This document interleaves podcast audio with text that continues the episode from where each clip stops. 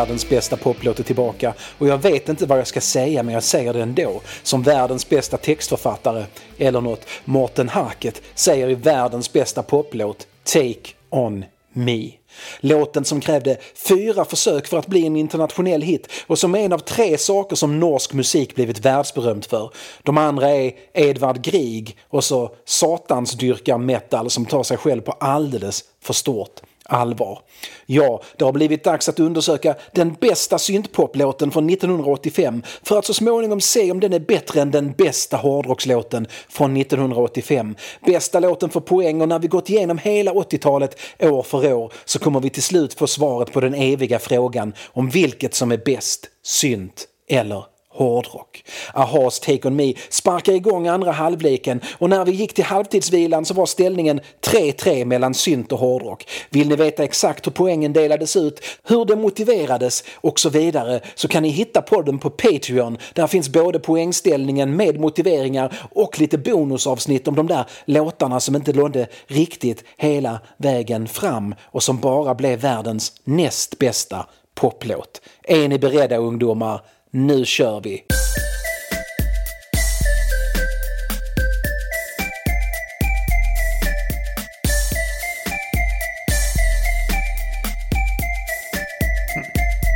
Okej, världens bästa poplåt är tillbaka min vän. Du visste såklart vi skulle träffas igen.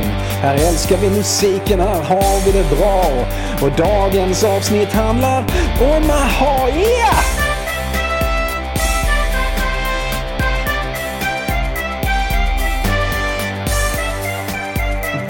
Bästa poplåt, vänner. Hårdrock eller synt, vem vinner 85? Vilken låt är allra bäst? Vilken går mest hem? Det där syntriffet och sången som glänsande stål. Dags att besöka Mårten, Magne och Paul, ja! Yeah!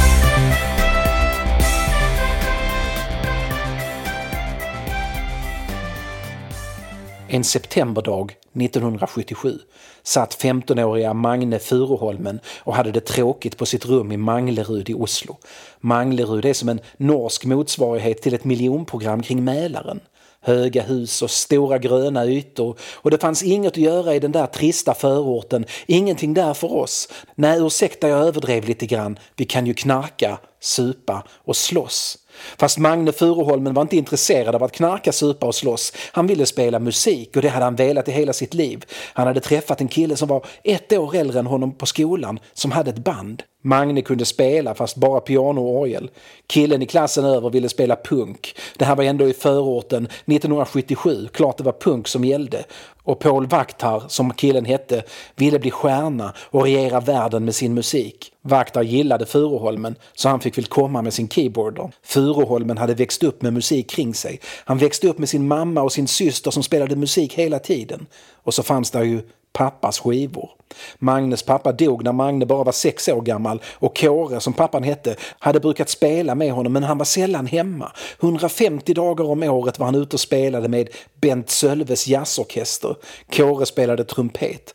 Enligt Magne spelade Kåre trumpet hela tiden. Han arbetade med att spela trumpet och han spelade trumpet hemma, i alla fall när han inte sov. Den 1 maj 1969 störtade Bengt Sölves jazzorkesters flygplan på väg till Linköping. Hela orkestern så när som på en kille som hade försovit sig dog. Men hemma hos Furuholmen lät de inte musiken tystna för det. Nej, tvärtom blev musiken ännu viktigare. Flygkraschen bevittnades av Morten Harket som 12 år senare skulle starta gruppen AHA tillsammans med Magne och Paul. Han säger att det fortfarande inte går en dag utan att han tänker på den. Han var nio år gammal när planet störtade i ovädret där framför hans ögon utanför Drammen.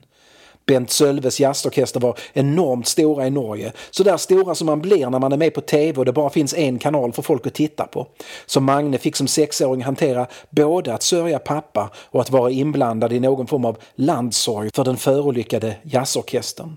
Åtta år senare så sitter alltså Magne Furuholmen på sitt rum och har tråkigt. På kvällen skulle han repa med punkbandet Bridges men det var flera timmar dit och några läxor tänkte han minsann inte göra. Punkare läser inte läxor. Så han har två alternativ.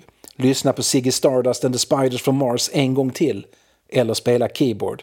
Det fick bli keyboard. Och där, i solljuset som tränger igenom springorna i persiennen i Manglerud utanför Oslo, börjar han spela ett syntriff som kommer förändra hans liv, förfölja honom, få honom att stundtal känna sig fångad av det. Ett syntriff som kommer göra honom ekonomiskt oberoende för resten av hans liv, men som samtidigt gör att han nu, 45 år senare, i en radiointervju lakoniskt konstaterar att det är märkligt att leva ett liv som konstnär när man nådde sin mest uppskattade kreativa höjdpunkt redan när man var 15.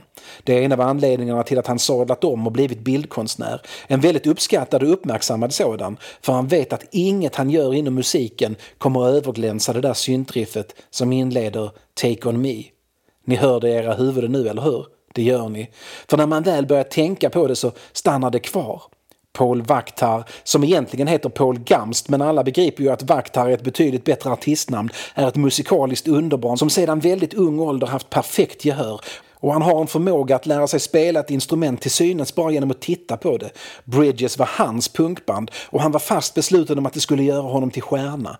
Han hade skrivit låtar sedan han var 11 år gammal och han älskade popmusik. Mest brittisk, men också norsk och svensk och amerikansk. Han var 16 när han träffade 15-åriga Furuholmen och de fann snabbt att de delade synen på musik. Vad som var en bra poplåt, vad som satte sig på hjärnan, vad som fick människor att sjunga med och att de skulle bli stjärnor. Och han hade också redan insett att visst fanns det plats för keyboard i punken, att det var vägen framåt.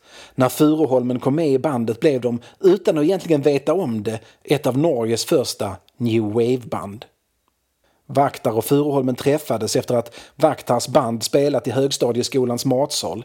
Men de var båda inriktade på betydligt större scener. Det skulle kräva hårt arbete och bra låtar. Låtar som Vaktar tänkte skriva själv eftersom han inte hade hört någon annan komma på några bra melodier. Han säger nu att han nog var alldeles för hård mot de andra i bandet. Att han ibland kanske avfärdade de andras låtar, inte på grund av låtarna men på grund av vem som kom med dem. Den där septemberkvällen 1977 repar de som vanligt och i en paus så stannar Furuholmen kvar vid sin keyboard och spelar den där lilla syntslingan han precis kommit på. Mest för att påminna sig själv om hur den gick.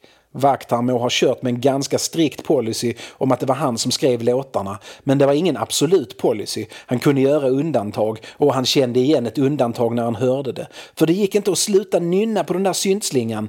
Paul skriver snabbt ihop en låt kring slingan, men tycker inte han får det att funka. Det känns som en hit fast ändå inte, för den går i moll, men de gör ändå färdigt låten och den funkar på scen. Den växande publiken gillar den, men den passar inte in i de övriga låtarna. Ett tag var det som att vi försökte gömma den, berättar Paul. Antingen begravde vi syntslingan i gitarrer eller så gjorde vi det i trummor. Vi skämdes för att göra något som var så pass väldigt tydligt pop. Det var modernt att vara tungsint och nattsvart. Vi kallade den för The Juicy Fruit Song för att liksom göra narr av oss själva när vi spelade den. När Bridges, som bandet kom att heta, till slut 1980 gav upp om att få skivkontrakt lånade de ihop pengar och spelade in en skiva själva för att sälja på konserter. De spelade in 16 låtar men gav bara ut 15 på skivan. The Juicy Fruit Song som hade bytt skepnad och blivit ordvitsigt döpta Miss Erie fick inte plats på skivan. Alltså Miss Erie, förstår ni? Men sjunget blir det Misery. Ha ha ha ha ha vad roligt. Skivan pressades i tusen exemplar och bandet gjorde en Kjell Höglund och ritade och klistrade och skrev på varenda omslag själva. Ett år senare funderade de på att släppa Miss Erie på singel eftersom de tusen ursprungliga skivorna var slutsålda. Men bandet fanns liksom inte kvar längre. Vaktar och Furuholmen trodde inte längre att framtiden låg i new wave eller punk. De hade upptäckt brittisk syntpop och kände hur den kallade på dem.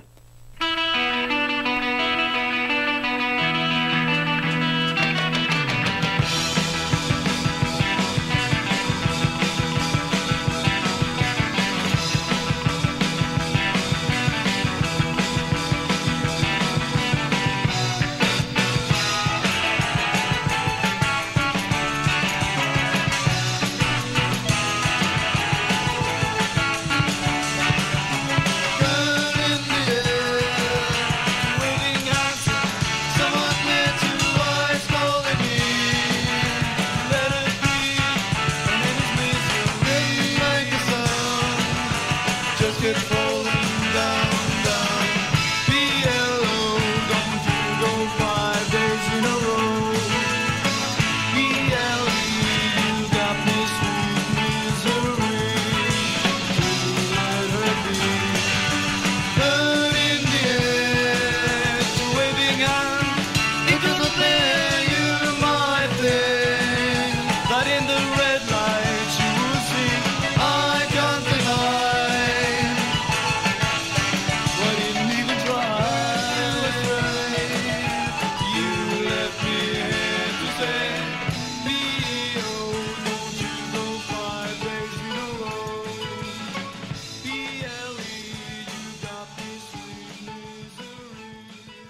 1981 och 1982 var något av syntpopens guldålder. Och Paul och Magne förstod det och de förstod att för att vara mitt i denna guldålders allra guldålderigaste guldålderscentrum så måste de flytta till London, för det var där det hände. Där hände Gary Newman, Orchestral Maneuvers in the Dark, där hände The Human League, där hände Ultravox och där skulle de se till att Paul och Magne också skulle hända. De skaffade sig en lägenhet och levde på sina besparingar medan de försökte ut och spela så mycket som möjligt för att kunna bli upptäckta av världsstjärnor. Men det, det hände liksom inte. Trots att Furuholmens lilla syntslinga nu kunde hitta en rimligare plats i tillvaron än gömd i ett halvdant punkbands halvdana punkbandsarrangemang. Lite följde på att ingen av dem kunde sjunga särskilt bra och ingen av dem var särskilt bekväm med att ta kommando över en publik. Om de någon gång skulle lyckas få en publik vill säga. Det satt långt inne. När pengarna tog slut återvände de till Oslo och i maj 1982 var de vid hopplöshetens rand och nära att ge upp. Sen, efter en kväll i deprimerad misär, hör och ser de bandet Soldier Blue uppträda på en klubb i Oslo. Bandet är skit tycker de, men sångaren har som en aura kring sig. Han ser ut som en filmstjärna och Paul och Magne tycker han sjunger mer än fantastiskt. Och det gjorde han säkert. Mårten Harket har en av popmusikens klaraste och starkaste stämmor. Det finns något operaaktigt över den utan att den går till överdrift. Paul och Magne vet att de har en stjärna framför sig. Någon som ser ut som James Dean och sjunger som Roy Orbison. Paul kontaktar honom genast för att se om han vill testa att göra några låtar ihop. Mårten är osäker på sig själv. Han har vuxit upp mobbad. Men han älskar musik och vill spela så mycket och så olika musik som möjligt. Soldier Blue var en grej, men det behöver ju inte utesluta att jobba med de här två lite yngre killarna som verkar drivna. Så de träffas. Paul spelar upp några av låtarna de har och säger att de tänker satsa på att bli Norges och världens största syntband. Mårten är skeptisk, men han känner igen namnet Furuholmen. Han känner väl till alla namnen på musikerna som dog i flygolyckan han bevittnade som nioåring. Han och Magne pratar om det, om hur olyckan på olika sätt påverkat deras liv. De känner en samhörighet. Den där första testrepetitionen slutar med att Magne spelar syntriffet från Miss Erie, The Juicy Fruit Song, och Mårten förstår att det där är en hit. Han går med på att göra musik med Paul och Magne med villkoret att de omedelbart ska jobba med den låten. Magne och Paul är lite trötta på den vid det här laget. De har spelat den i fem år redan. Ska de aldrig bli kvitt den? Spoiler, de kommer aldrig bli kvitten.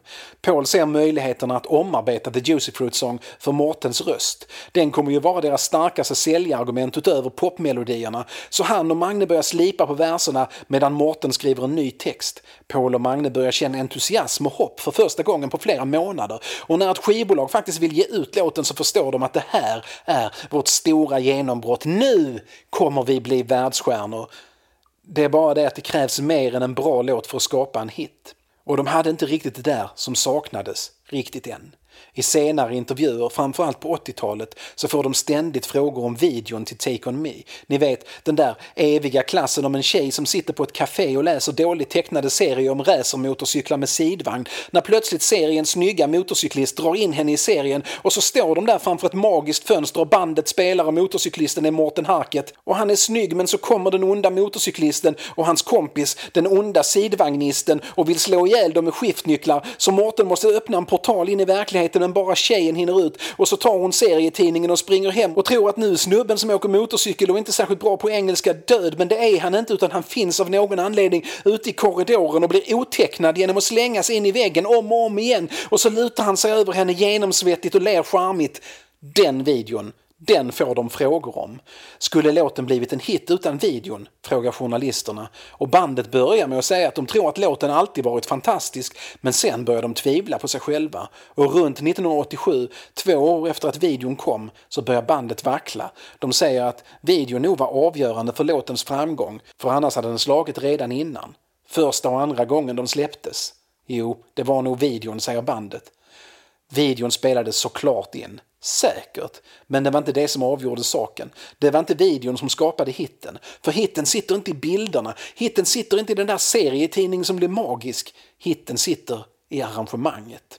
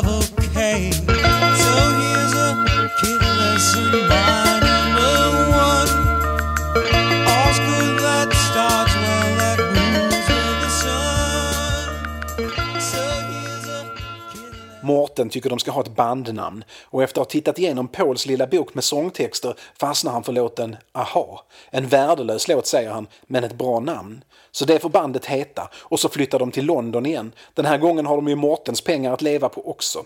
Och det går bättre den här gången. Både att fixa spelningar, att ha en snubbe som ser ut som en fotomodell och som verkligen kan sjunga hjälper och att skapa kontakter på skivbolag. För de tjatar sig in. Spelar inte in demos utan ser faktiskt till att komma till skivbolaget och plugga in instrumenten och spela. Enkla arrangemang, syntar med tillhörande trummaskiner och Paul på gitarr och Mårten på sång.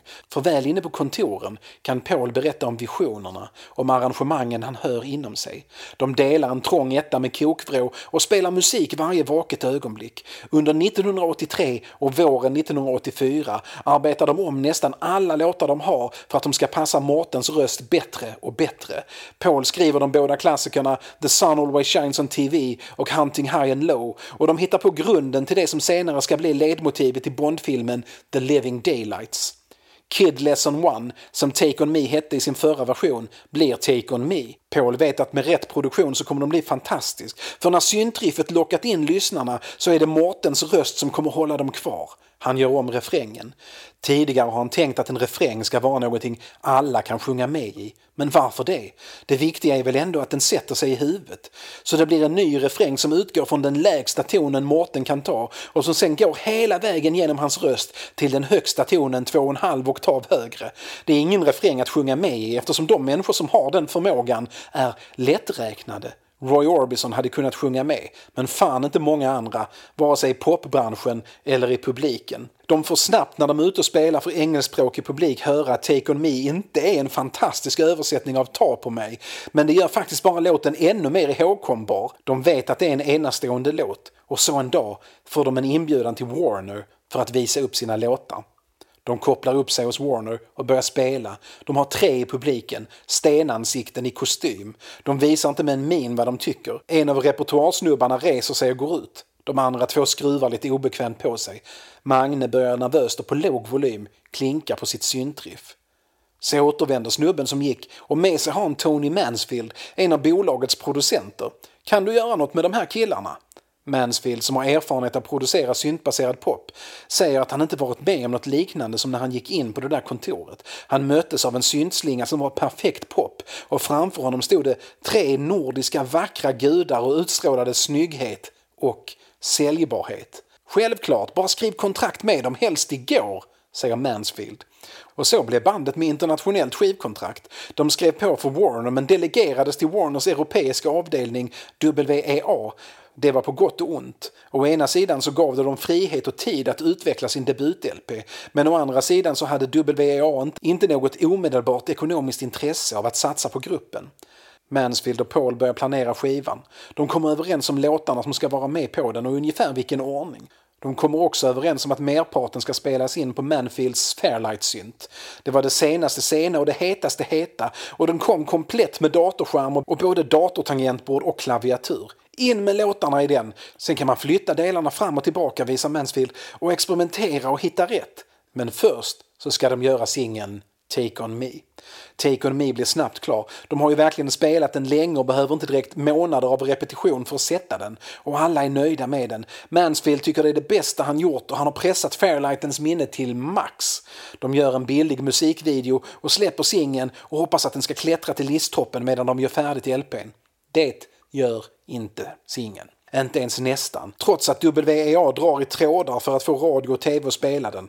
Den blir etta i Norge. Alltid något. Senare kommer ju frågorna. Var det videon som var skillnaden? Varför blev inte första singelsläppet i Storbritannien framgångsrikt? 1987 till 1988 när AHA säger att det kanske var videon trots allt så visar de att de inte riktigt har förstått den då. För det är inte videon. Den spelar roll. Men det viktiga är arrangemanget. Det viktiga är produktionen. Och här räddas de av Warners märkliga företagskonstruktion. För de amerikanska skivbolagen 1984 var organiserade för att kunna plocka upp europeisk musik och släppa den tillsammans med snygga musikvideor i USA. Därför hade man dotterbolag i varenda europeisk land och framförallt i England. Man var bättre på musikvideo i Europa och framförallt så var det inne med brittisk musik. Så skivan som skulle bli LPn Hunt Shooting High and Low skulle godkännas av huvudkontoret i USA innan den släpptes och man lyssnade och man förstod att det där var briljant på många sätt men att den samtidigt inte funkade alls. Så man skickade tillbaks skivan med instruktionen att byta producent. Ta någon som kan det där med rockmusik istället för syntpop kanske och remixa eller göra något för att rädda skivan. WEA är måttligt förtjusta. Skivan har redan kostat pengar och en ny producent är dyrt och det är ändå moderbolaget över Atlanten som eventuellt tjänar på det vi gör. Men visst, en order är en order. De tänker att rockmusik betyder Cliff Richard och de ber Richards producent att se vad han kan göra. Alan Tarney är ett geni. Och hans geni är att ta fantastiska låtar och göra dem till fantastiska singlar som sticker ut på radio och som är omöjliga att stoppa från att ta över ens hjärna. Men han är ett märkligt geni. Hans stora framgångar är just att gå in i färdiga produktioner och liksom göra om. Samma fast annorlunda. Han hade dessutom själv varit popstjärna i Australien på 60-talet och bland annat stått på samma scen som bröderna ACDCs storebror George Young. Som producent har han gjort singelversioner, det är hans specialitet. Han struntar i LP-formatet eftersom han tycker att popsingeln är musikens främsta form. För Squeeze, Cliff Richard, Bonnie Tyler och en hel massa andra och hans produktioner har sålt miljoner. Min favorit är den här med Pulp. Pulp i allmänhet och Jarvis Cocker i synnerhet bad uttryckligen om Alan Tarney när skivbolaget sa att de trodde att Disco 2000 skulle bli en hit även utanför indie-musikkretsar men att albumversionen saknade energi. För Jarvis Cocker älskade AHA och han älskade Take On Me och han förstod vilken enorm skillnad Tarney gjort eftersom skillnaden mellan den första brittiska Take On Me och den senare internationella är enorm. Kunde Tarney göra för Pulp vad Tarney gjort för AHA så skulle Pulp få sitt absoluta genombrott in i mainstreamen. Och med Pulp gjorde Tarney precis som han gjort med AHA tio år tidigare. Han lät bandet spela in låten på nytt, likadant fast annorlunda. Och 1995 tog han en magisk låt och gjorde den ännu mer magisk än den var innan. Precis som 1985 med AHA.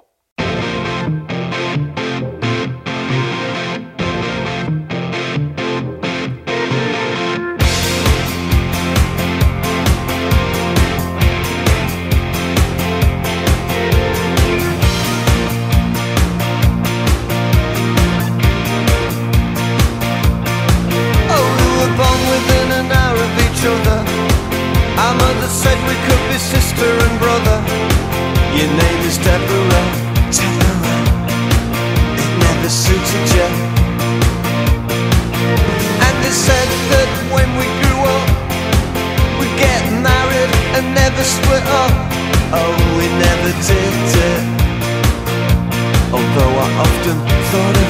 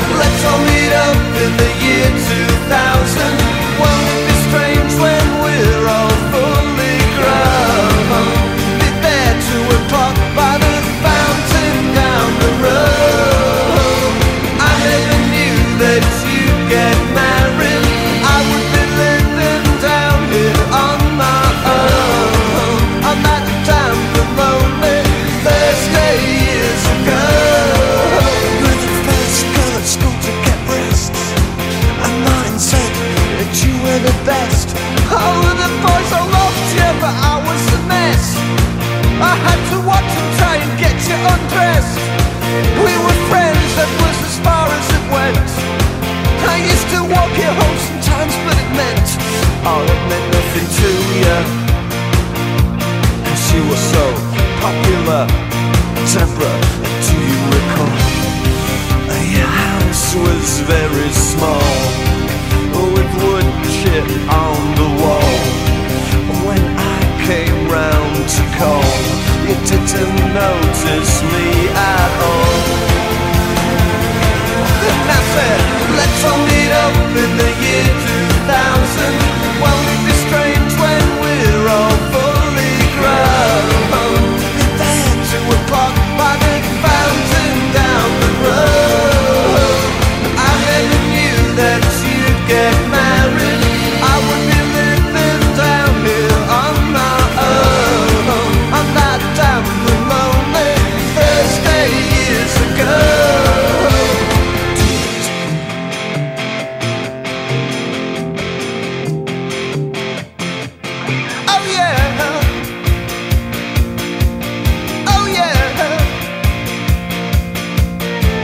Over. We've paid your money, we've taken your choice. And I know we'll never meet again. But Deborah, I just wanted you to know I remember every single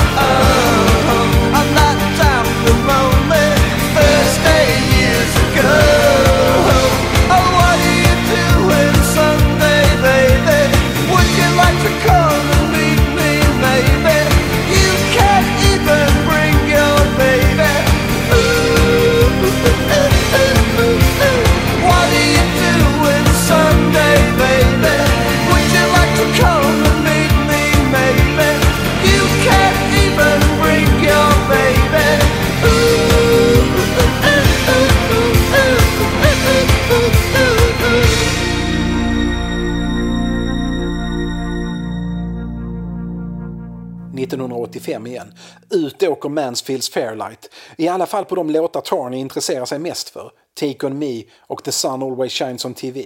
Och viktigast är Take On Me, såklart. Han börjar om från början, bestämmer sig för att introducera instrumenten ett efter ett och bygga låten långsamt. Att lyssnarna ska vänja sig vid ett ljud i taget. Det tar nästan 35 sekunder innan sången kommer in i låten och det är även efter han ökat tempot en aning till hisnande 168 slag i minuten.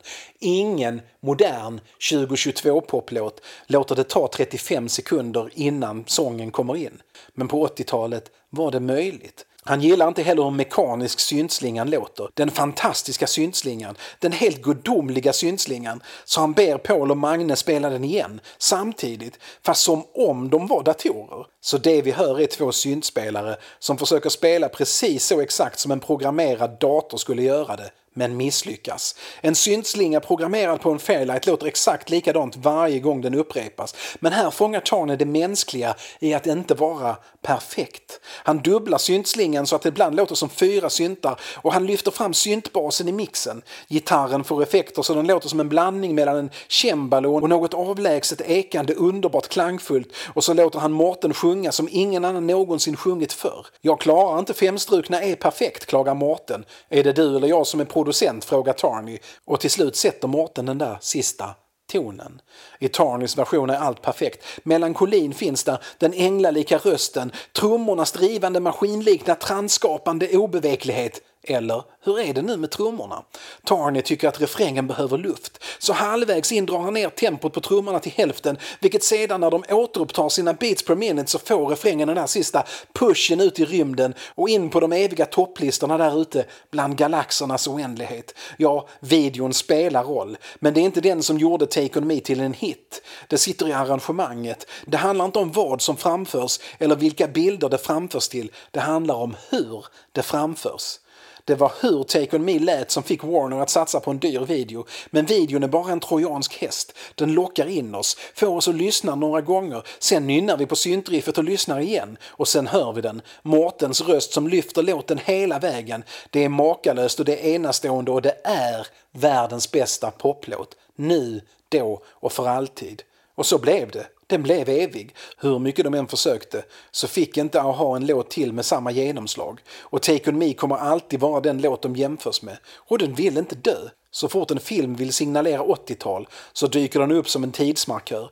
Komiker sjunger den för att det är roligt när komiker sjunger den för att ingen kan sjunga som Mårten och den slår an alla 80-talssträngar vi har i våra hjärtan och fucking Weezer får 200 miljoner strömningar av låten när de gör en version för tv-serien Stranger Things. Den där syntslingan fyller 50 i september 2027 och nej, Magne, du kommer inte komma undan den och den kommer att överleva dig och mig. För där i det där rummet rummet i det norska miljonprogrammet med den sjunkande solen genom springorna i persiennen hittade du något evigt, ren kreativitet, ren popmusik, den allra bästa popmusiken.